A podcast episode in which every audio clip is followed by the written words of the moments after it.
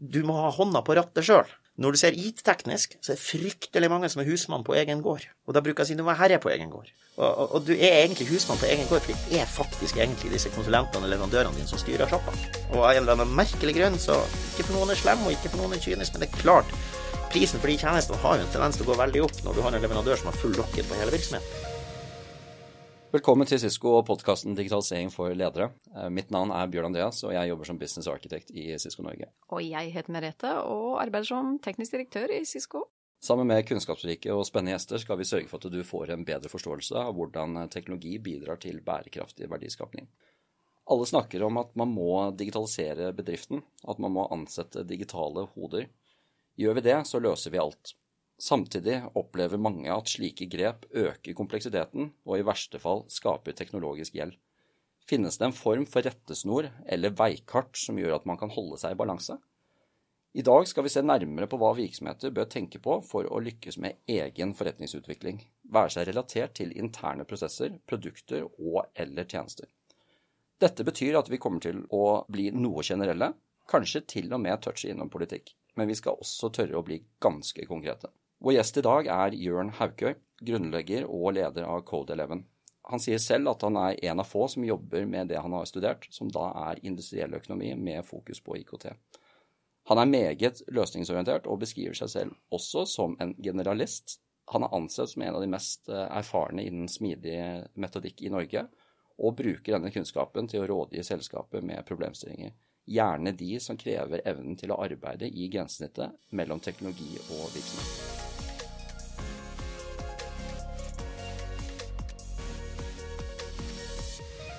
Velkommen til oss, Jørn. Tusen hjertelig takk. Aller først, fortell oss litt om eh, bakgrunnen din, Jørn. Ja, du har jo egentlig røpa det meste, holdt på å si. Nei, jeg, jeg er jo sånn at eh, jeg dro til eh, utlandet faktisk for å studere, og litt av grunnen til at jeg gjorde det, var at jeg visste jeg hadde lyst på en blanding av, kall det forretning, ledelse og, og IT. Og jeg er blitt gammel nok til at på det tidspunktet så fantes ikke det i Norge. Så det var ikke noen mulighet for meg å dra til Trondheim eller for den saks skyld Grimstad, hvor den typen utdannelse eksisterer i dag.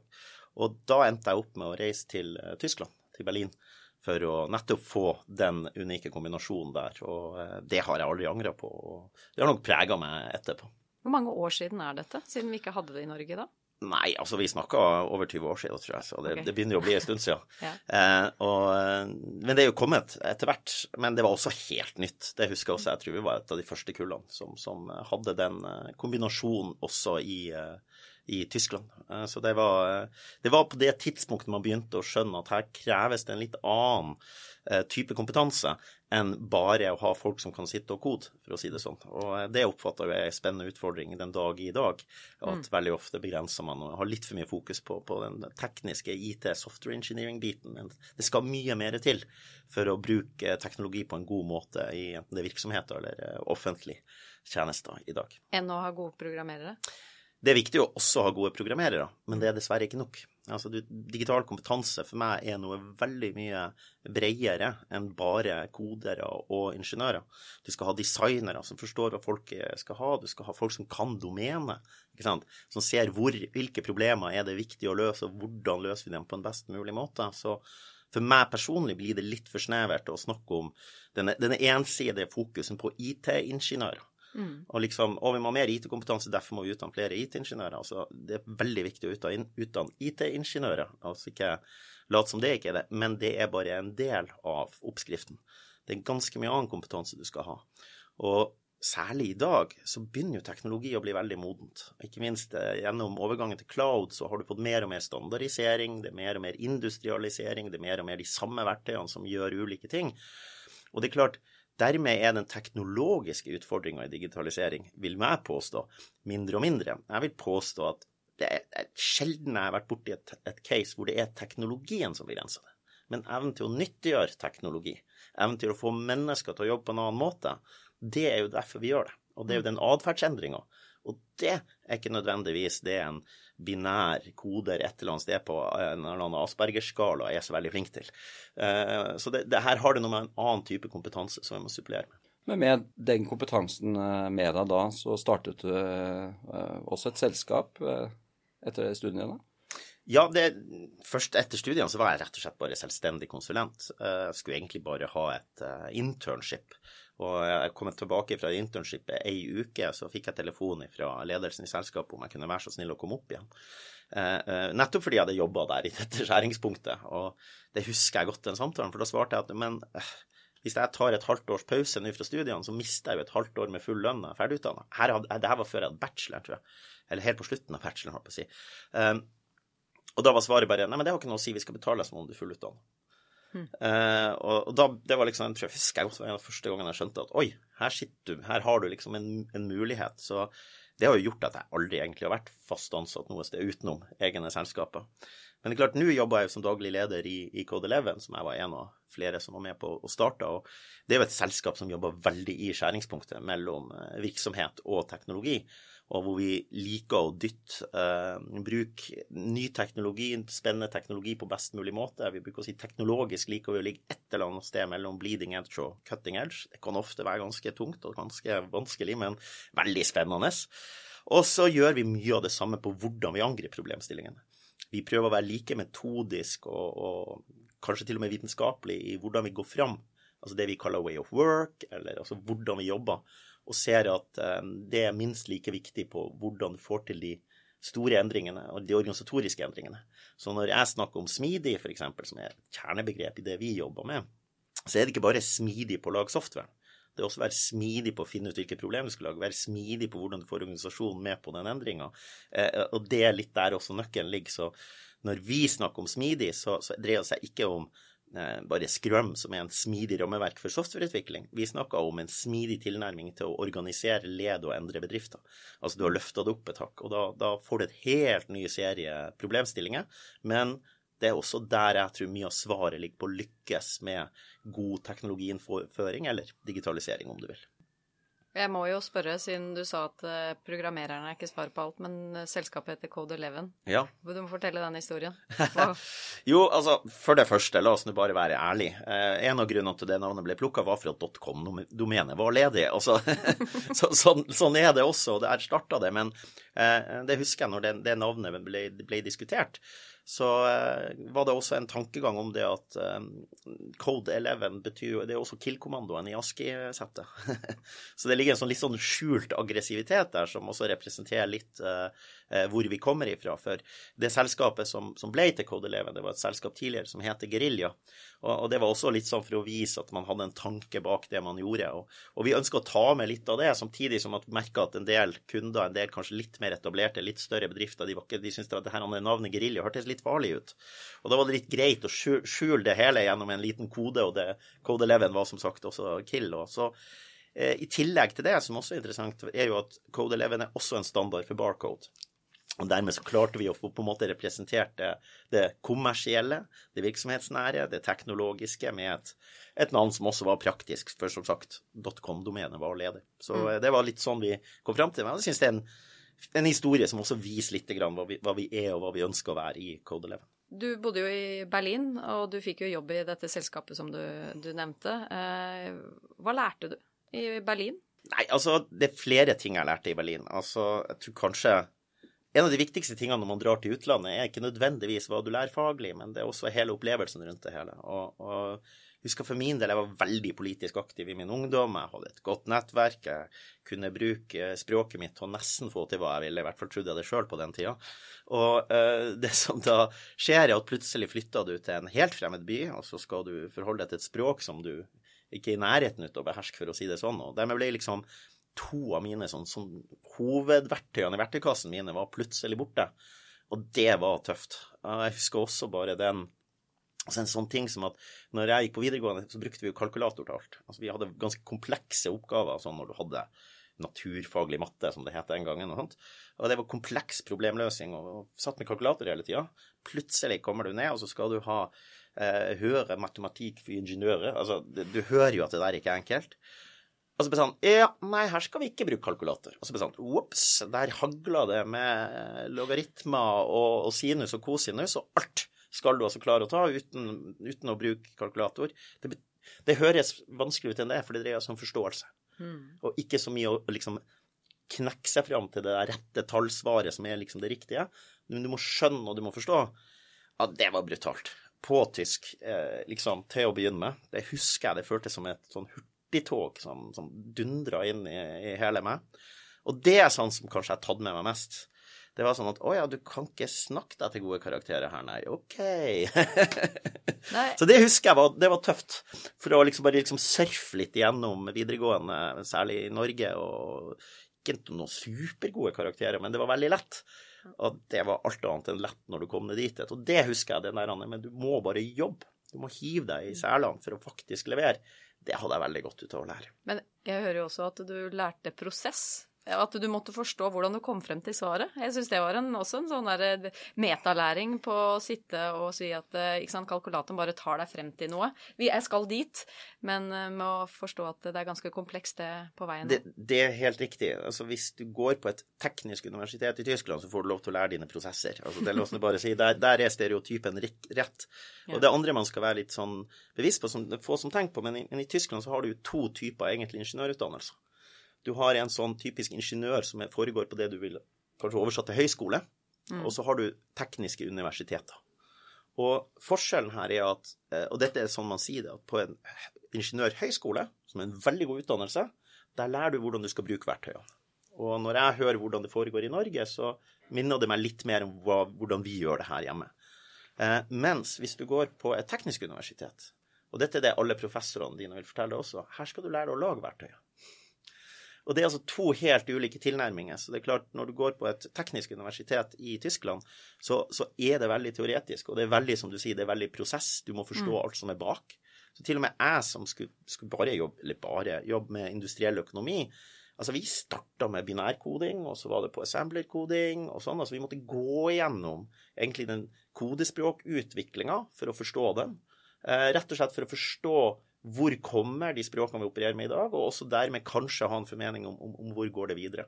Og, og, det er også som sagt Induc. Og det husker jeg det satt vi hadde sammen med de som hadde, var rene IT-studenter.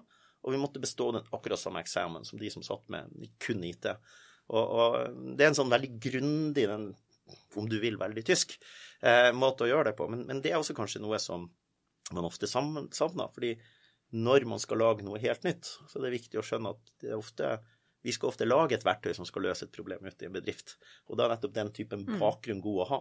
Og det er da du sitter her, som sagt, uten kalkulator. For klart, skal du lage en kalkulator, skal du programmere en kalkulator, så må du skjønne hvordan den fungerer uten. Og da er det bra å stille neste spørsmål. Hva definerer du som digitalisering, når vi, opp mot det du akkurat har fortalt? La, la, la meg først få lov til å være, være litt sånn intellektuell flåsete og si men altså, jeg har jo da studert det. så Digitalisering er jo per vitenskapelig definisjon å ta et analogt signal, avtaste og få det ned i et, i et digitalt signal. Det er digitalisering. Så da er vi ferdig med den diskusjonen. Men nå er det selvfølgelig ikke det du spør etter, og, og det er heller ikke det folk oppfatter som digitalisering. Men, men strengt tatt er det jo det. Det, det ligger et lite svar der. For, det, for meg er digitalisering å nyttiggjøre, om du vil, digital teknologi til å skape en atferdsendring som for min del skal være positiv. Altså man skal gjøre ting smartere, bedre. Men, men, målet her må jo være at vi får til atferdsendringer. Folk jobber annerledes, jobber bedre, kanskje jobber mer bærekraftig, kanskje jobber litt eh, mer produktivt. Det kan være mange ting. Men det, det for meg er helt avgjørende at digitalisering skal føre til en eller annen konstruktiv, positiv atferdsendring. Og gjerne i skala, fordi man kan bruke teknologien til å skalere dette her. Med reach og, og altså bare volumet man får til. Så det er for meg god digitalisering, i hvert fall. Ja, men så har man jo også det kan også være digitalisering vet du, å bare sette strøm på papir, som jeg sier. Altså ta en eller annen prosess du har i dag, og, og, og gjør den digital. Det er også noe sånn som også jeg tidligere ofte har flåsa litt av og sagt det er dårlig digitalisering. Du skal optimalisere prosessen, og så skal du gjøre den digital. Mm. Det er ikke alltid lurt, det heller, vet du. Av og til kan det være litt lurt at hvis du skal ha en stor organisasjon som skal endre seg, det kan hende i noen tilfeller at det er smart å faktisk digitalisere den prosessen de kjenner. Sånn at alle føler å nei, å ja, men dette er jo akkurat dette kjenner vi igjen i. Dette mm. kan vi. Og når du har flytta alle over på en digital, ikke-optimalisert prosess, så starta du med den iterative optimaliseringa av den prosessen. Så, så, her ser du at, at, digitalisering kan være mange ting, og ikke minst hva som er god digitalisering. Mm. Det er veldig gitt av situasjon og kontekst, og, og der tror jeg der må man ha kunnskap, du må ha erfaring, du må ha kompetanse for å se Når er det lurt å optimalisere prosessen for deretter å innføre den digitalt? Og når er det kanskje best å faktisk overføre en stor organisasjon over på en ikke-optimalisert digital prosess, for deretter å gjøre optimaliseringa med folk onboarda?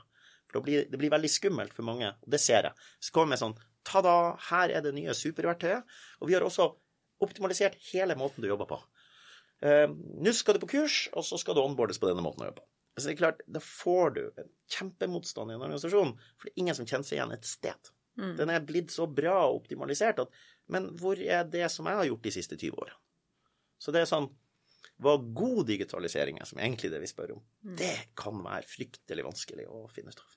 Ja, og du var jo inne på det med at det er kombinasjoner av kompetanse eller forståelse. da, og mm. for, Hvis du søker å å forbedre f.eks. For leveranse eller produksjonskvalitet, mm. så kan du sette i gang og bygge et svært monster av en eh, digital plattform å, som fungerer akkurat i den delen av prosessen. Mm. Men så er det jo slik at det kan hende det reelle problemet er det bare å ha en clean order og ha alle parametere eh, på plass som gjør at du klarer å levere riktig første gangen.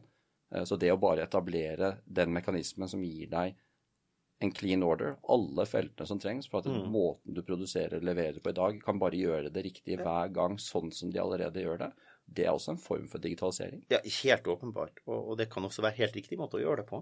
Og, og, det er ofte der det kan være vanskelig. fordi du har kanskje noen som sitter med en del av ett steg i en verdikjede, for å si det sånn, som er litt tidlig. Og eh, gjennom å digitalisere så kan du gjøre jobben deres mye mer kompleks. Det er deres opplevelse av det. Men hvorfor skal jeg drive på å forholde meg til alle disse nye feltene som dukker opp, for du definerer ting tidlig i en prosess, i stedet for at det skal noen finne ut av langt, langt downstream i verdiskapninga. Det gjør jo at de som kanskje jobber i den tidlige delen av prosessen, de, de, det her er jo mer byråkratisk og tungvint. Mm. Dette er kontraproduktivt. Mm. Men når du ser på totaliteten av den verdikjeden, så kanskje det gir enormt utslag. Og her har du òg det, det, pedagogiske. Det å forklare hvorfor gjør man det på den måten. Hvorfor henter du effekt? tror jeg er minst like viktig på enn en hvordan. Mens fryktelig mange digitaliseringsprosesser blir veldig sånn hvordan-orientert, og særlig teknologisk hvordan-orientert. Ja, og det tror jeg det er interessant å høre deg snakke, fordi jeg tenker ofte at eh, når vi hører digitalisering, så tror vi at det er veldig sånn IT-retta. IT og du har jo sagt det så mange ganger gjennom det du har sagt til nå, at det handler om å endre hvordan vi jobber. Mm. Og det involverer jo mange. Jeg har veldig lyst til å spørre om, Har du noen konkrete eksempler på prosjekter du har jobbet på, som du synes har vært vellykket, da? Eh, vellykket digitalisering? Ja, altså et, et, initiativ som jeg er veldig stolt av, for jeg synes det, og det, er også et initiativ som har lært meg og oss fryktelig mye. Her har vi gjort mye feil på veien, og det er ofte det som er det, det morsomste.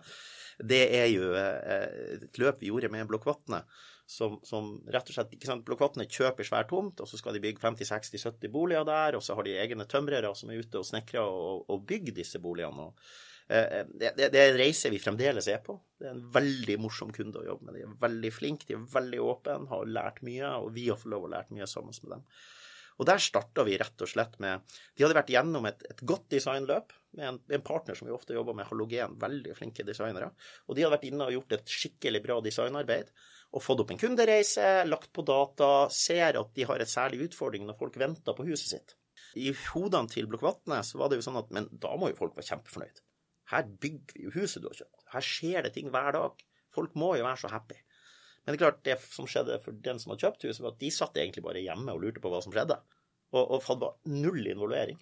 Og du må huske på en byggeplass i dag, ikke sant? den er jo eh, eh bare av HMS-grunner, så er jo selvfølgelig den avsperra. Og så fant de ut i dette designarbeidet at nei, det var folk som var brøt seg inn på byggeplassen. Og, og, og, så liksom begynte jo intervjuet med hva som skjer der.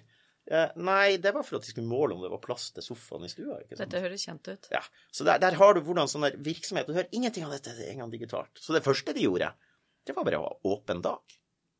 Ikke sant? Og, og her lærer du noe viktig om forretningsutvikling. Og når de hadde åpen dag, så var jo alle intervjuene tyda på at folk skulle på måle om det var plass til sofaen. Ja, det var det ingen som gjorde. Alle var ute, og så har de naboer med barn i samme alder. Og Her ser du også hvordan Du vet jo aldri hva du får. Og det er veldig viktig, den måten vi jobber på. Du må alltid utforske. Du er utforskende, og du vil veldig få, få helt andre resultater enn du tror. Vi har ikke starta på teknologien. For det, da, det, var jo da vi ble henta inn, for da skjønte de at Men vent litt, kan ikke ha åpen dag på byggeplassen hver dag, for da blir det ikke bygd noe hus. Og da kom det til spørsmålet men hvordan kan du digitalt involvere kunden? Og, og da, Det er jo en godt eksempel, for det vi skjønte var at men vi må på en måte klare å fortelle kunden litt hvor langt er du kommet. Er taket kommet på plass? Er kjøkkeninnredninga der? Og så videre. Så eh, da fant vi ut hvordan skal vi få til det? Jo, problemet var at på byggeplassen fantes det ikke et eneste digitalt datapunkt. Der var det bokstavelig talt blå ringpermer og papirsjekklister. Og da kom spørsmålet hvordan skal vi få ut disse dataene? Selvfølgelig kommer du da, typisk litt sånn uerfarent. Jo, men da må bare de inn og oppdatere dette registeret når vi har gjort sånn og sånn. sånn. Men det er ikke jobben til en tømrer. Det er det ingen som kommer til å gjøre. Den typen sånn bare legg det på toppen, gjør det i tillegg, funker aldri. Så det vi sa, var at vi må finne en eller annen måte å få det til å være en naturlig del av arbeidshverdagen til tømrerne, og produsere de dataene vi trenger for å oppdatere kunden. Svaret på det var at vi endte opp med å digitalisere 500 sjekklistepunkter for å få tak i fire. Så vi lagde et sjekklisteverktøy som alle tømrerne brukte, hvor de sluttet å bruke papir, startet å bruke digitalt, for å få tak i fire datapunkter av 500 som vi digitaliserte. Og det var de fire om at vi visste at når den sjekklista var ferdig, da er taket på. Når du har gjort det, da er veggene eh, tett. ikke sant? For det var noe de måtte gjøre uansett? Det måtte de gjøre uansett. Mm -hmm. Og dermed fikk du Egentlig ble det et biprodukt av dette sjekklisteverktøyet, var de dataene vi egentlig skulle ha for å oppdatere eh, liksom sluttkunden, sånn at du får vite hvor langt er ditt hus kommet. Og, og jeg syns det sånn det er en sånn logikk som man ofte må tenke på. Og det er også et godt eksempel at god, skal du lykkes med dette, så må du ofte jobbe på to fronter samtidig. Altså den fronten inn mot de ansatte, det kan hende du må endre et par ting der for å få en god kundeopplevelse, god kundetilfredshet digitalt. Og, og dette så vi jo når da f.eks. covid satte inn. Så eh, sier jo Blokkvatnet at nettopp det at de hadde så god digital eh, interaksjon med sine kunder, påstår de, for det står for deres regning, at, at var faktisk en av grunnene til at de så lavere salg, eh, salgsdump enn andre som naturlig å sammenligne seg med. Det jeg hører her til når dere initielt hadde fokus på kunden som kjøpte disse husene, så fant dere også da at tømreren også var en vesentlig bruker, og tømrervirksomheten, og hvordan dere kunne forbedre prosessene. Jeg vil jo tro en sånn sjekkliste eh, ga vel noen effekter i si, kvalitetsdimensjonen for de også? Selvsagt, og det, det er veldig viktig. Altså, her kommer vi fra en sånn, sånn multisided business model-skole. Hvis du er Uber, så kan du ikke bare bry deg om passasjerene dine. Du må bry deg om sjåførene også. Hvis du er Airbnb, så må du bry deg om utleiere. Utleiere er kundene til Airbnb akkurat like mye som de som leier et hus. Og sånn tenker vi her også. I det øyeblikket vi skjønte at tømrerne hvor viktig det er for at vi skulle lykkes med det vi gjorde sammen med Blokkvatnet, så ble tømrerne en kunde. Og da er du kundesentrisk, da lager du tømrerreisen. Altså, da jobber du på helt samme måte opp mot dem, og bare serv dem med god teknologi. Og det er klart det er mye av svaret. Og også jobb tett med dem det å ha de integrert i hele prosessen. Vi var jo ute på byggeplass hele tida. Kodere må komme seg ut på en byggeplass for å skjønne hvordan du lager et godt verktøy for tømrere. Det er ingen annen måte å gjøre det der på. Og da får du jo morsomme dialoger, og det oppstår morsomme situasjoner. Altså Bare én ting sånn som var morsomt. Jeg husker fantastisk flinke designere laga et kjempefint design. Det var herlige, slanke linjer. og det var sånn, Jeg tror hele teamet hadde vunnet to designpriser allerede, og dette var på prototypenivå. Så tar du den der elegante, lille designet ut på en byggeplass, så gir du den telefonen med prototypen på i laben til en tømrer. Har dere sett tommeltotten ja, til en tømrer? Si det. De veldig. De, fikk, de klarte ikke å treffe en eneste knapp. Det var sånn OK, nei, her er det bare å smekke opp størrelsen på knapper og gjøre dette her enkelt.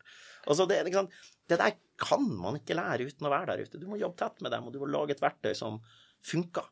Og, det var en sånn reise som vi alltid har gjort der, og fremdeles så er vi ute. Vi er ute og snakker. Vi har sendt utviklere ut med, med, med hjelm og verneutstyr og prater med tømrerne for å finne ut hva er neste steg, hvordan skal vi ta det videre. Så det er eh, syns jeg er et veldig godt eksempel på en, på en strålende og morsom, og ikke minst pågående, kontinuerlig partnerskap i digitalisering som vi har med, med Blokkvatn og Obos. Jeg har jo hatt gleden av å høre om eh, dette prosjektet tidligere, Jørn. og Da fortalte du også at eh, man oppdaget at ved at man involverte kunden som bruker, og når de var inne og, og, og så på progresjonen, så oppdaget jo de også kvalitetsavvik. og Det var jo et, et eksempel med et vindu som Ja, det, du, du, har helt, du, har helt, rett. for det det, det, er ikke alt vi klarer å gjøre med å være så smart at vi kunne lage data som biprodukt. produkt. og en av de tingene vi visste kunder var veldig opptatt av, det var bilder. Bilder ifra ditt hus som blir bygd. ikke sant? 'Å, se her skrider fram, du skal vise det til vennene dine', og sånt. Men det var ikke så lett å få tømrerne til å springe rundt og ta disse bildene som et biprodukt. Da altså, jeg, sånn, Kom igjen, kan ikke dere ta litt bilder? Nei, vi er tømrere, vi er ikke fotografer. liksom. Pushback, skikkelig pushback. Og det er sånn OK, her må vi tenke oss litt om hvordan får vi det med oss. Vi, Men du, nå skal vi bare ha en liten sånn MVP. Vi skal bare gjøre dette veldig litt for noen få. Så nå tar du noen bilder, og så bare mailer du dem til oss. Skal vi sortere dem opp på riktig sted, sånn at kundene får lov til å se litt fra det. Ja, OK, greit. Litt sånn murring, men vi fikk det her til. Så vi satt jo der, manuelt og sorterte rett bilde og liksom bare la det opp på sida til innlogginga til den ene kunden. Og så kom det tilbake fra den ene kunden sånn Det var bare fire stykk. Kom tilbake sånn «Mm, Er du sikker på at Er du ikke sikker på at det, det her er bildene fra mi, mitt hus? Sånn, øh, og det første vi tenkte, var at å, pokker, nå har vi sortert feil. Dumme oss, ikke sant? Så, nei, men nei, nei, vi har sortert rett, fant vi ut. Liksom. Ops. Sånn, men oi, hva er dette her? Og så var det ut på byggeplassen. Sånn, du, du, han kunne bare si at dette ser litt rart ut. Det virka som kjøkkenvinduet i stua og stuevinduet på kjøkkenet. Så bare hører du ifra jeg tror det var med sånn Ops. Det som har skjedd, er at når du, når du bygger, så, så, sorterer de ut liksom eh, stavene til ramma fra høyre til venstre, og så har de sortert det ut fra venstre til høyre, og dermed har vinduet forflytta seg. Ikke sant? De prefabrikerer og prekutta her, ikke sant.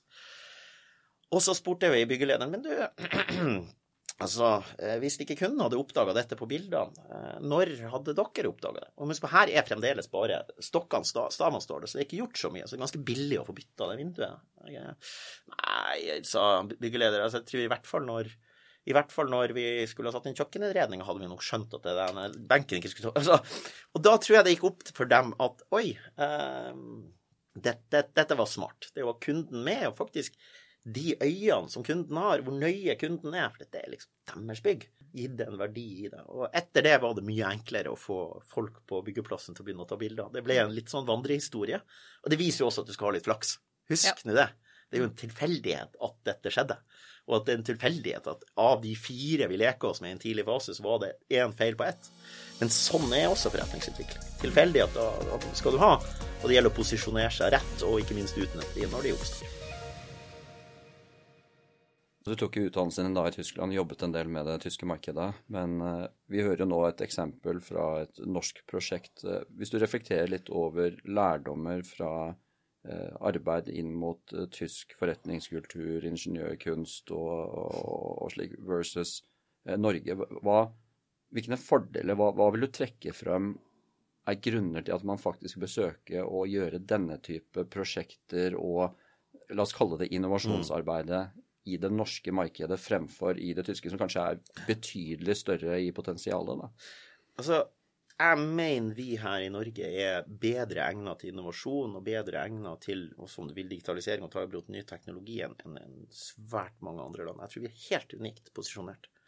Og jeg mener det er noe som ofte er oversett. Uh, Altså for eksempel, Hvis du tar dette blokkvatn-eksempelet, om du skulle gjort det samme i Tyskland, så ville det vært et stort problem at det er fremdeles kanskje 20-30% av de som jobber på en byggeplass særlig, eh, har ikke nødvendigvis smarttelefon, og i hvert fall ikke vet så mye om hvor de skal bruke den. For da begynner du å snakke om typisk ofte billig arbeidskraft fra f.eks. Ukraina. ikke sant? Og, og, og er det, det, er bare kulturelle forskjeller her. Mens i Norge så har jo alle den nyeste flatskjermen og den nyeste telefonen, og det har liksom bestemor også. Og det har også alle på en byggeplass. Sånn at her må vi huske på at den der eh, generelle teknologikunnskapen i det norske folk, den er nok skyhøy sammenlignet med hva du finner i mange andre steder, og ikke minst veldig spredt i bredde. Altså Jeg tipper at kidsene i Seoul i Sør-Korea har sikkert mer avanserte ting enn kidsene i Oslo, men liksom der er, henger bestemor igjen. Mens i Norge så har du liksom hele bredden. Det er et enormt utgangspunkt for å lykkes med, med ny teknologiadopsjon og, og være langt framme. To, i Norge er vi veldig flinke til å samarbeide. Og jeg tror de store digitaliseringseffektene ved å bare digitalisere f.eks. i en virksomhet, altså der er mye gjort.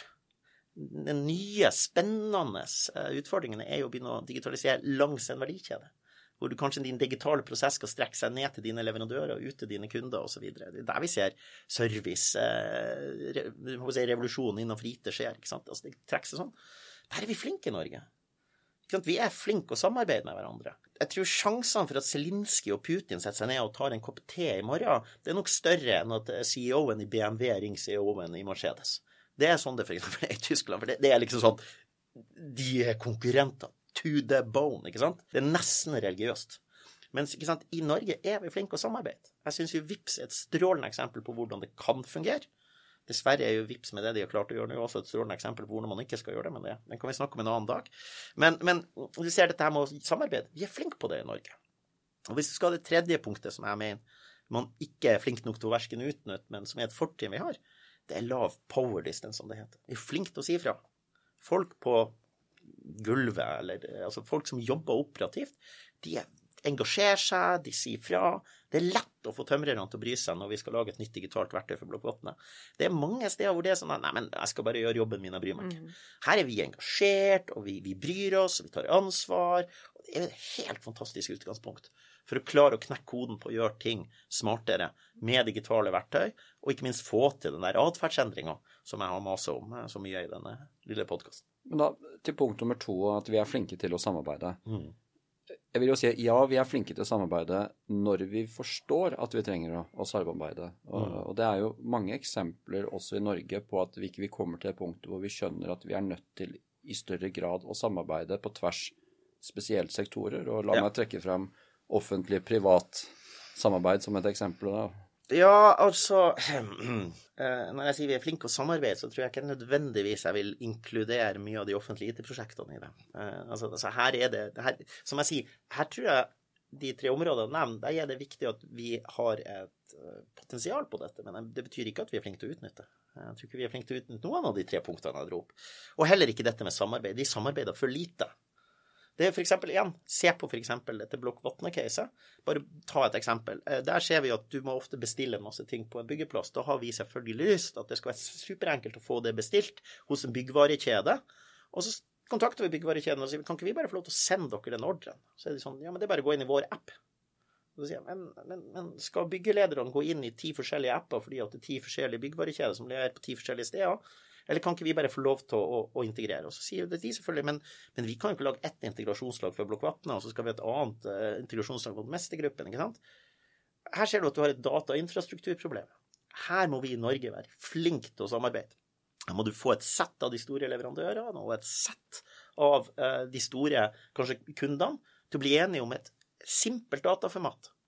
Sånn utveksler vi ordredata, og så gjør vi alle det og så lager vi API-er, og så integrerer vi der. Der ser du det er sånn typisk eksempel på at du må samarbeide for å løse de gode datainfrastrukturproblemene.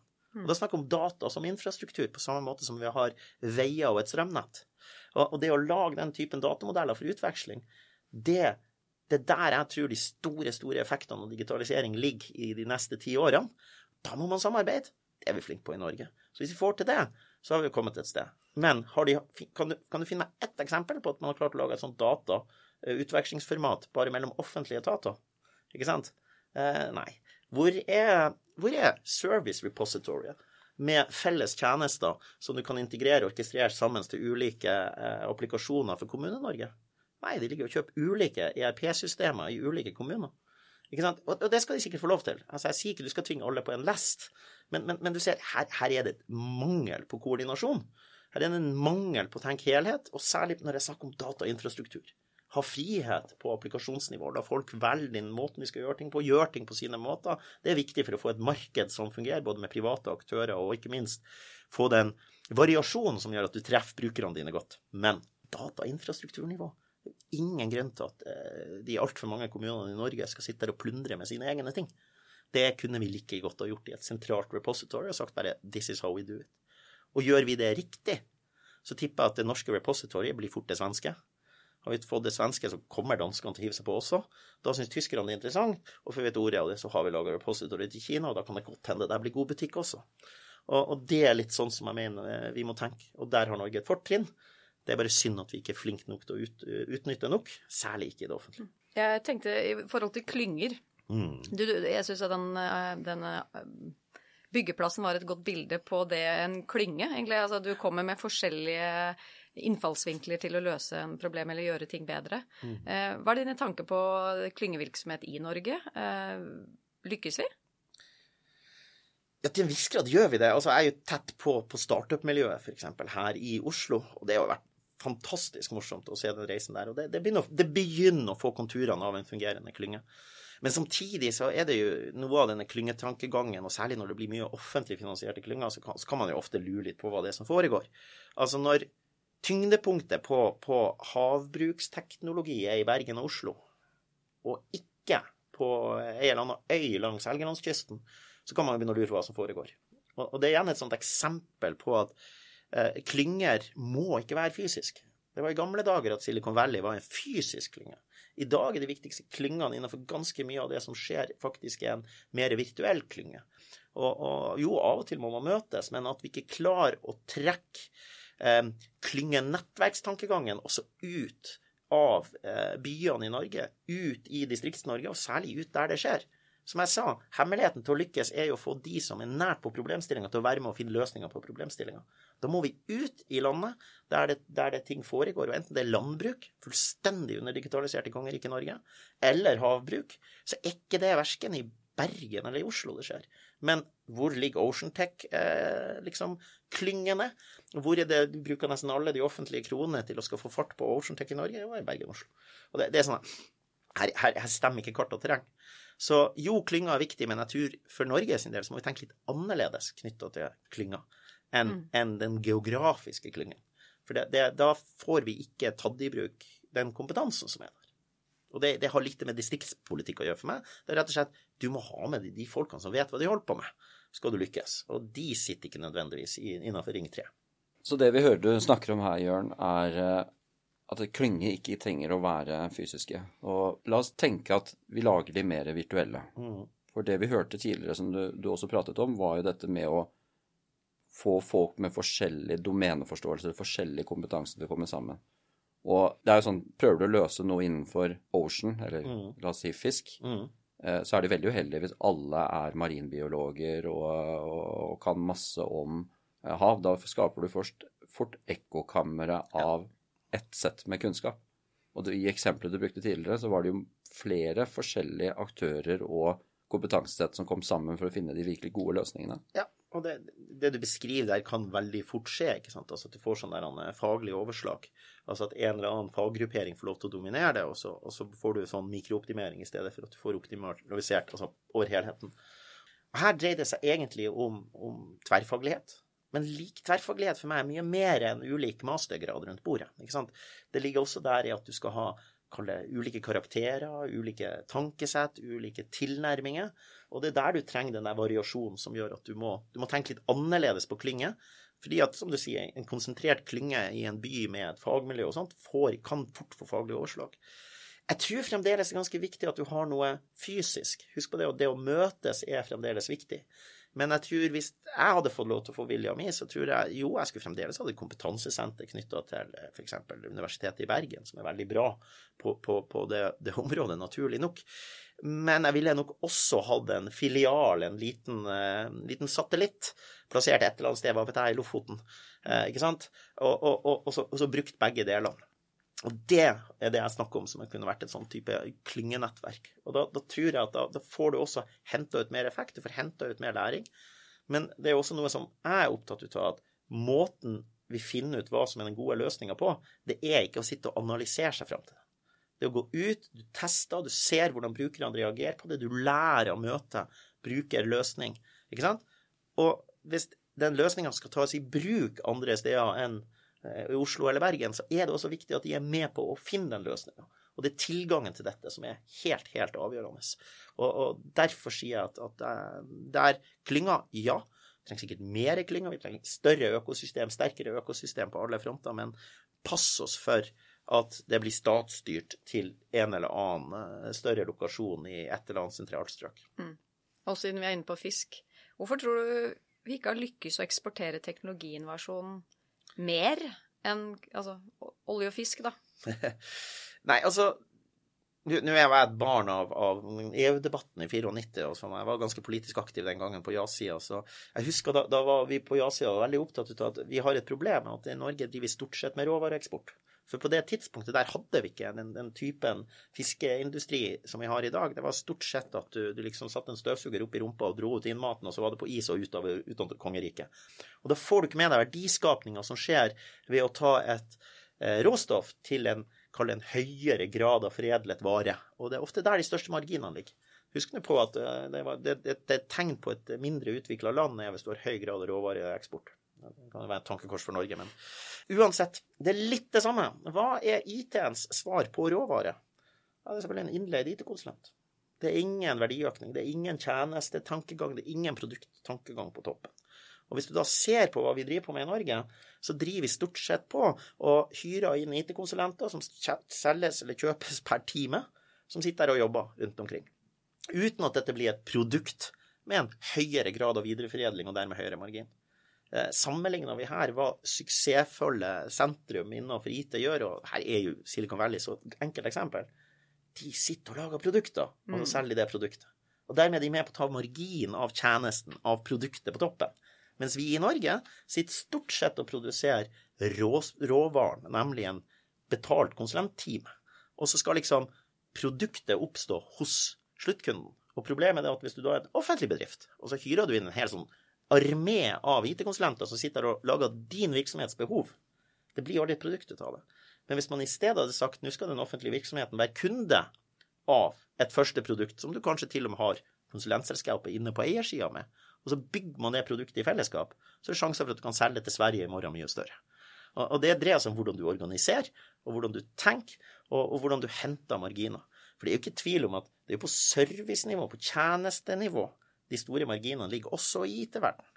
Ikke på råstoff-ressursnivå. Og det er derfor jeg sier her må vi krype opp i verdiskapningspyramiden, akkurat sånn som vi har gjort med fisk i Norge. Og der har det vært en stor suksess.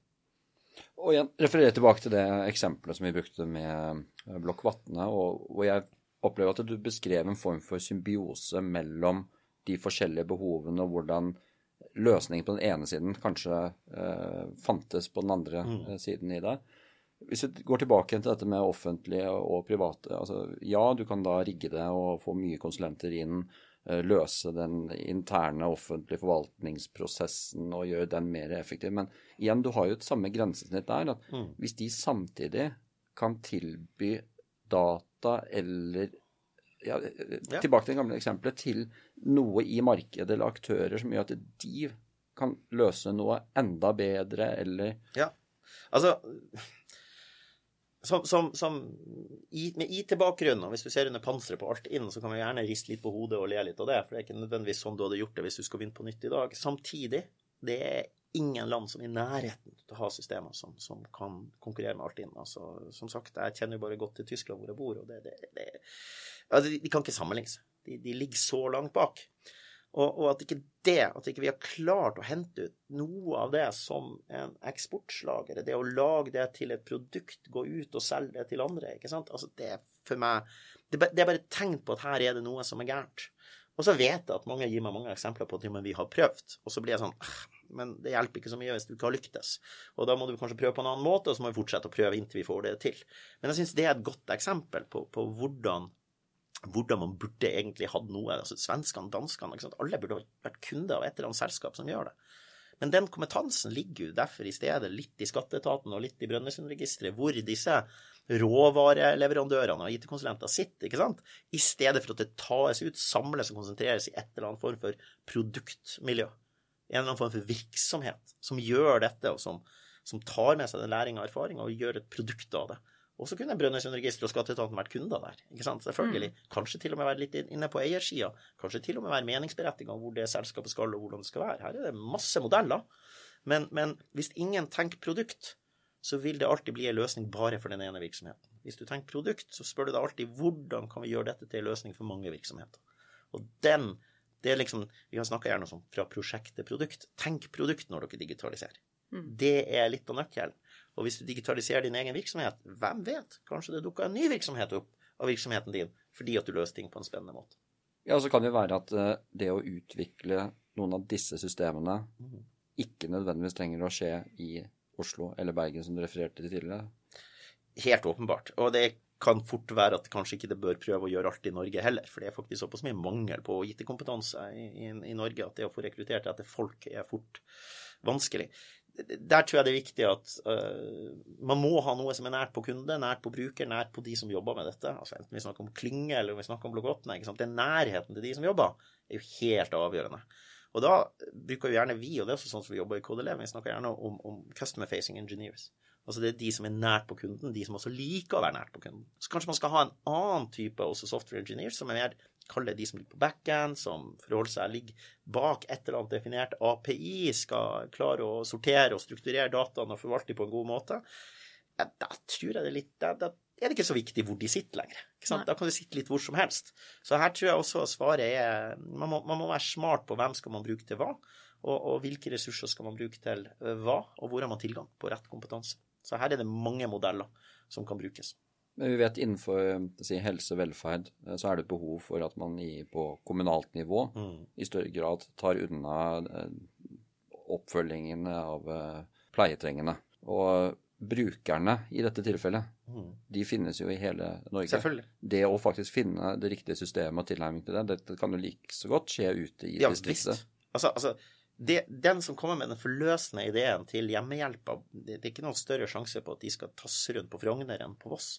Altså, og, og, og, her dreier det seg også om å tilgjengeliggjøre ikke sant, som jeg var inne på, tilgjengeliggjøre den kompetansen. At hvis det er noen på Voss som har et spennende initiativ, hvordan støtter vi det initiativet? Så lar vi det brukernære, det, det, det, liksom, det brukernære foregå på Voss. Og så kan det godt hende at det håper si, kodenære skal foregå i Ukraina, for alt jeg vet. Altså, det, det, der har ikke noe å si, men vi må, vi må, trekke ut nettverk som gjør at vi får kobla de gode løsningene med de gode problemene, og ikke minst de som forstår problemet. Og det er, er det ikke noe man har monopol på, verken i, i store byer eller, eller, for den saks skyld i Norge. Og da, da kan det like godt være rundt omkring. Og der tror jeg vi har en utfordring å gjøre kompetansen og musklene og en del av de økosystemene eller klyngene som er i ferd med å oppstå, har oppstått Mm. Typisk litt i byene, men også strekk de ut, gjør det tilgjengelig eh, eh, i hele landet. Det tror jeg er noe av svaret, for som du er inne på, der problemene er spredt utover det ganske land. Det burde jo også virksomhetene som prøver å løse de problemene, spredt utover det ganske land. Det er ingen hun, grunn til noe annet. Ja, og hun eh, i Voss kan koble seg på den virtuelle klyngen som du sa definitivt burde være virtuell, for vi, vi har de samme problemene rundt overalt. IT-kunnskap det er en mangelvare, og det vet vi. Men hva kan vi gjøre i mellomtiden? Eh, hva kan organisasjoner gjøre i dag for å forbedre disse prosessene? Altså, for det første, som jeg var inne på også med dette Blokkvatn-eksempelet, du trenger ikke veldig mye IT-kunnskap for å starte. Altså, Du trenger først og fremst forståelse for hvor er det et problem. Det, du trenger ikke å ha det. ikke sant? Og også når man skal begynne å lete etter løsninger, så trenger du ikke så mye IT-kunnskap til å begynne med. Altså Som ofte så kan det godt hende at det er bare analoge løsninger du kan starte med. Og så lærer du av det hvordan du senere skal f.eks. lage en god, fullautomatisert, digitalisert, automatisert prosess. Så jeg tror det er viktig å ikke la eh, mangelen på IT-kompetanse liksom være sånn sovepute for å ikke komme seg i gang. Du mm. trenger designkompetanse, du trenger domenekompetanse. Vi snakker gjerne om når vi skal sette opp team som skal løse problemer, så sier vi gjerne du trenger en hipster som forstår hva folk vil ha, du trenger en hacker som kan bygge dette litt fort og gærent, og en hustler som vet hvordan tjene penger. Hipster, hacker, hustler. Altså det er en sånn god huskeregel. I tillegg til det trenger du en domeneekspert som vet hva pokker er det vi snakker om. Og da lykkes du, ikke sant? Og du trenger hele den bredden der. Og det er ikke nødvendigvis IT-kompetansen der som, som, er den begrensende faktoren. Uh, og der tror jeg det er viktig å si. Det andre er God digitalisering, god atferdsendring. Hvis vi er enige om at det er det som er målet, vi skal få folk til å jobbe smartere, bedre, lurere, raskere, ikke vet jeg. Eh, det dreier seg først og fremst om menneskeorganisasjon. Og der må du starte. Det er først og fremst en skill. Det er ikke noe du kan lese deg opp til. Det må du erfare deg opp til. Det må du trene deg på. Så det er kanskje også det viktigste rådet. Hvordan gjør du det? Start. Start et sted. Start smått. Lær av de små engasjementene dine. Bygg kompetansen inhouse også på hvordan vi gjør det, hvordan løser vi problemer smartere, og ta ett steg av gangen. Altså begynn, test, lær, feil. Det er jo en måte å lære på. Og så bli smartere og smartere. Kultiver og, og, og modne den kompetansen som trengs inhouse. Og da, da hører det mye mer enn proggere. Det er en viktig del, og det er et viktig bidrag, men det er så mange andre kompetansefelt du kan starte med som, som ikke skal begrenses av at du mangler en koder her eller der. Jørn, det jeg hører er at eh, det er ikke nødvendigvis de uh, høyt kompetente uh, IT-programmererhodene som trengs. Det, jeg hører egentlig du si, er at det handler bare om å gjøre flere i organisasjonen klar over hva er mulig med den nye kategorien av verktøy som vi kaller eh, digitalisering eller digitaliseringsverktøy, eh, og få de til å begynne å eksperimentere med litt de små grepene her og der, og etter hvert som det baller på seg, så vil det i sum skape egentlig digitaliseringsreisen til eh, virksomhetene. Helt riktig. Og, og her dreier det seg også faktisk om, å, om, om, eksempelets makt, altså litt sånn seeing is believing, som vi snakker om. Og det du vil se, og det du vil merke, er at når du lykkes med et første litt sånn kult Kall det et digitaliseringsprosjekt om du vil, og så gjerne noe som har litt impact, noe som påvirker mange, som endrer litt i hverdagen til ganske mange, ikke sant? Så blir det sånn Oi, går det an? Hvis du da i tillegg har klart å gjøre dette smidig og smart, og så blir det sånn Ja, og dette gjorde vi bare på fire uker. Så det sånn Å, nei, det, oi. Så det var ikke millionbudsjett og, og, og, og svært team. Nei, nei, nei. nei. Det var mye juks og fanteri, det var gummistrekk og binders, men vi satte opp den her på, på, på fire uker. Da skjer det noe. Når, når, den historien går rundt lunsjbordet og, og, og rundt eh, si, julebordet, så skjer det noe. For det blir sånn men hvis de kunne gjøre det med det, men da kan vi jo gjøre noe med det her som har plaga og irritert meg nå i snart to år. Da begynner du å få den der positive syklusen, hvor det kommer mer og mer forslag. Det kommer inn mer og mer gode forslag. for Folk skjønner at jo, det har faktisk ikke en hensikt å fortelle noen ting. For det er noen som har kapabiliteten og har bevist. Vi klarer faktisk også å gjøre noe med det. Og Det er der du må starte smått, eh, og få til noen av disse første historiefortellingene som blir på en måte som den, den, liksom, den, historien som gjør at folk skjønner at jo, det går faktisk an. Man kan gjøre ganske mye med relativt små midler, og det kan få ganske stor effekt enkelt. Og fordelen du da får, er at uh, disse samtalene lever rundt lunsjen, mm. lunsjbordet i, i, lang tid. Erfaringene fra det, både hvordan man lykkes og hvordan man feilet, de forsvant ikke ut døren med konsulent, konsulentene. Nei, og det er jo også det som er, viktig. Altså at, uh, altså, vi som 11 vi er jo ofte inne som, som konsulent, men vi er nok ofte litt utypisk uh, på mange måter. Men det er jo også noe som, som jeg er veldig opptatt av. at denne kompetansen på hvordan skal du endre atferden i din organisasjon, i din virksomhet, ved hjelp til å bruke ved klok innsats av god teknologi, typisk digital teknologi, det er veldig farlig hvis du kjøper den kompetansen utenfra. Altså, den kompetansen må sitte i din egen organisasjon. Og som jeg har vært inne på flere ganger, måten dette skal gjøres på, måten du finner de gode løsningene, og hva som er den gode løsninga, det er noe man lærer underveis. Det er ikke sånn noe man kan liksom kjøpe en rapport eller få noen til å analysere det, og så skal de komme inn og sånn Ta-da, her er løsninga. Det er noe du må gjøre sammen med organisasjonen din, sammen med de folkene her. Det betyr at det er en læringsprosess. Hvis den læringsprosessen er dreven av konsulenter, ja, men de tar jo med seg all den læringa i hodet sitt når de går ut og døra og oppdraget er ferdig. Det er klart, du må ha egne folk som er med på hele den læringsreisen. Så kan du bruke konsulenter til å få fart på ting, og til å jobbe opp mot ting, og, og, og fylle et gap på kompetanse her, og fylle et gap på ressurser der. Skulle bare mangle. Så jeg snakker ikke imot konsulenter, det er veldig, veldig viktig. Konsulenter er superviktig for å lykkes med den, den store, brede eh, kompetansen vi skal ha for å gjøre denne typen ting. Men du må ha hånda på rattet sjøl. Når du ser IT-teknisk, så er det fryktelig mange som er husmann på egen gård. Og da bruker jeg å si du er herre på egen gård. Og, og, og, du er egentlig husmann på egen gård, for det er faktisk egentlig disse konsulentene og leverandørene dine som styrer sjappa. Og det er klart da sliter. Og av en eller annen merkelig grunn, så ikke for noen er slem, og ikke for noen er kynisk, men det er klart prisen for de tjenestene har jo en tendens til å gå veldig opp når du har en leverandør som har full lock-in på hele virksomheten din. Og det, det, og det er bare menneskelig. Det er ikke fordi at noen er slem eller ond, det er bare fordi at de kan gjøre det, og da skjer det. Og her ser du at det, her, det der begrepet det er et av sånne dogmer som jeg gjerne liker å snakke om. Det der med å være herre på egen gård. Pass deg for å ikke være husmann. Det er også en sånn helt konkret råd til de som har ansvar for digitaliseringen der ute. Ta, ta et ærlig blikk i speilet og spør om du er herre eller husmann på egen gård. Eh, og jeg tror dessverre mange store virksomheter der ute eh, fort må innrømme at oi, her er det kanskje ikke jeg som har god nok styring, og i hvert fall ikke får lov til å hente ut effekten av den læringa vi burde gjøre for å lykkes i fremtiden. Og hvis noen sitter og hører på nå og tenker det grepet har jeg lyst til å ta, for nå følte jeg meg truffet. Hvordan blir du herre på egen gård? Nei, du må starte i et lite hjørne. Altså, altså det, det, er superviktig. Du må starte i et lite hjørne.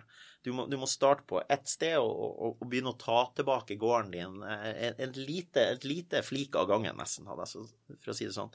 Altså, moderne IT i dag er standardisert, den begynner å bli industrialisert, og, og man jobber på en helt annen måte. Kode er ferskvare.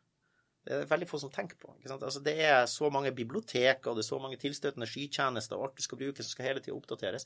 Kode eller digital teknologi er ferskvare. Og, her sliter man jo med at veldig mange der ute har jo en litt sånn modell, mental modell, litt sånn som du skal bygge et hus. Her skal vi bruke masse millioner, og så skal dette foregå i to år, og så skal vi bygge denne kjempefine nye tingen. Og så skal alle flytte inn, skal vi klippe snorer, og så skal vi ha en liten vakt, vaktmester som plundrer rundt. ikke sant? Det er en sånn mental modell. Det er helt avleggs. Det er ikke sånn du lager IT lenger. IT er mye mer som å anlegge en park eller forvalte en skog. Og, og, og, og, da ser du jo litt hva som er rådet mitt. Start i et hjørne. Start med et lite bed i et hjørne av den nye parken din. Begynn å lære av det på hvordan du tar et litt større område, og så kanskje kultiverer du den biten av parken. På et eller annet tidspunkt så blir det en liten karpedam i et hjørne, og så må du sikkert beskjære noen trær her borte. Men det er den typen kontinuerlig utvikling og en kontinuerlig oppgradering, modning og læring det er veien til å få et, et godt eh, digitalt verktøy, struktur, systemlandskap innenfor egen virksomhet. Og da må du bare starte et sted. Og start smått. Start med lav risiko. Start gjerne med noe som er litt gøy. Gjerne med noe som du syns er eh, morsomt å holde på med. Men start den læringsreisen hvor du lærer internt med dine folk, jobb med de som vet hvor skoen trykker, og, og, og begynn den reisen på å, å ta tilbake gården din fra eh, konsulentleverandørene. Og da hører jeg at uh, da er det den ene skillen vi alle trenger å lære mer av, og det er å lytte ja. uh, til organisasjonen, for de vet som oftest hvor, hvor du kanskje skal begynne også. Ja.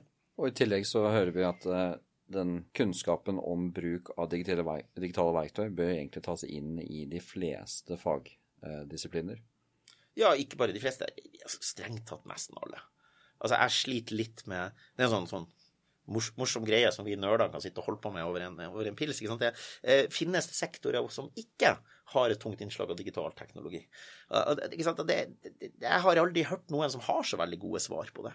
Så kommer det av og til sånne argumenter at jo, men hvis det er veldig omsorgstungt, og du, så sier jeg men kjære deg, hvis jeg kan fjerne alt byråkratien, sånn at disse varme hendene har enda, enda mer tid til å være varme hender, så har du plutselig digitalt innslag igjen. Så jeg tror egentlig så, så, så, vi er en verden i dag hvor det på en måte digitalt gjennomsyrer alt. Og, og, og vi er fremdeles der at det ikke er modent nok og standardisert nok til at man bare kan kjøpe det out of the box fra et eller annet sted. Og da, det betyr at nesten alle større prosjekter, initiativer som påvirker virksomheter, vil alltid ha en, en, en eller annen digital dimensjon, tror jeg. I hvert fall i overskuelig fremtid. Og, det gjør at den kompetansen må egentlig gjennomsyre alle fagfelt og, alle lag av samfunnet også, om du vil. Du, bærekraft. Mm. Du er, jobber med digitaliseringsprosjekter. Hvordan jobber du med bærekraft? Har du en strukturert måte å gjøre det i prosjektene dine på? Vi er så heldige å jobbe opp mot de kundene vi jobber med. Det er mye energi og, og sånt. Og bærekraft er nesten blitt en hygienefaktor. Det er liksom ikke noe man diskuterer. Det er liksom ikke, Du har ikke noe sånn uh, pros and cons-analyse på hvorvidt du skal pusse tennene dine om morgenen. ikke sant? Det er bare noe som skjer, så man bruker ikke så mye tid å diskutere det greiene der. Bortsett fra med små barn, kanskje. Men altså, uh, og det, det, er litt samme. Bærekraft er ikke noe som man bruker så mye tid på å diskutere. Det skal bare være til stede hele tida. Det er blitt en hygienefaktor. Og, og dermed preger det. Så vi har jo ganske igjen. Eh, F.eks. nå med, med Blokkvatnet som har brukt som eksempel, og som derfor kan være en, en, en grei historie. Bare sånne enkle problemer som hvor mye avfall produseres på, på byggeplassen. Eh, hvordan kan vi sørge å, å, redusere det? Det enormt i byggebransjen. Det er enorme mengder avfall som produseres på en byggeplass. Eh, der er vi jo inne nettopp i å se langs hele verdikjeden. Hvordan får vi redusert det? Hvordan får du resirkulert det? Hvordan også bare sånn redusere kapp av, av trevirke. ikke sant? Altså, eh, og det, der, der, ser du hvordan man kan bruke eh, gode digitale verktøy til å egentlig skaffe god eh, bærekraftseffekt. Og jeg er jo en av de som liker å si 'smart is the new green'. Og jeg syns det er et sånt, sånt, sånt, credo som er viktig. Og god digitalisering dreier seg stort sett om å gjøre ting på en smart måte. Det dreier seg om å bruke ressursene på en smart måte. Og for meg er det jo det som også er eh, bærekraft.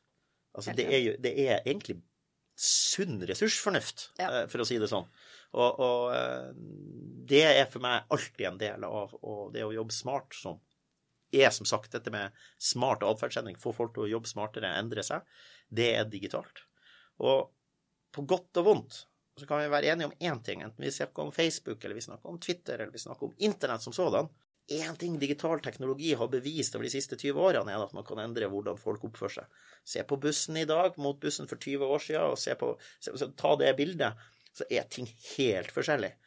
Det å bruke digital teknologi til å få folk til å endre atferd, det er noe tech-gigantene er geniale på. Kanskje for flinke, ikke sant. Vi vet jo det. Det er en mørk side ved dette her også. Men det er klart, får man til å bruke den kompetansen til å skape atferdsendringer, til å skape storstilte atferdsendringer i retning av å være smartere måten vi tar vare på ressursene denne jordkloden gir oss, eh, da tror jeg nok det er definitivt en del av løsninga for de utfordringene man, man står overfor i, i, dag. Så hvis vi ser tilbake, så er det en del ting vi har hørt om uh, i samtalen her. Du har introdusert begrepet virtuelle klynger, at vi i større grad må se hvordan vi kan organisere og uh, klynge på den måten. Mm.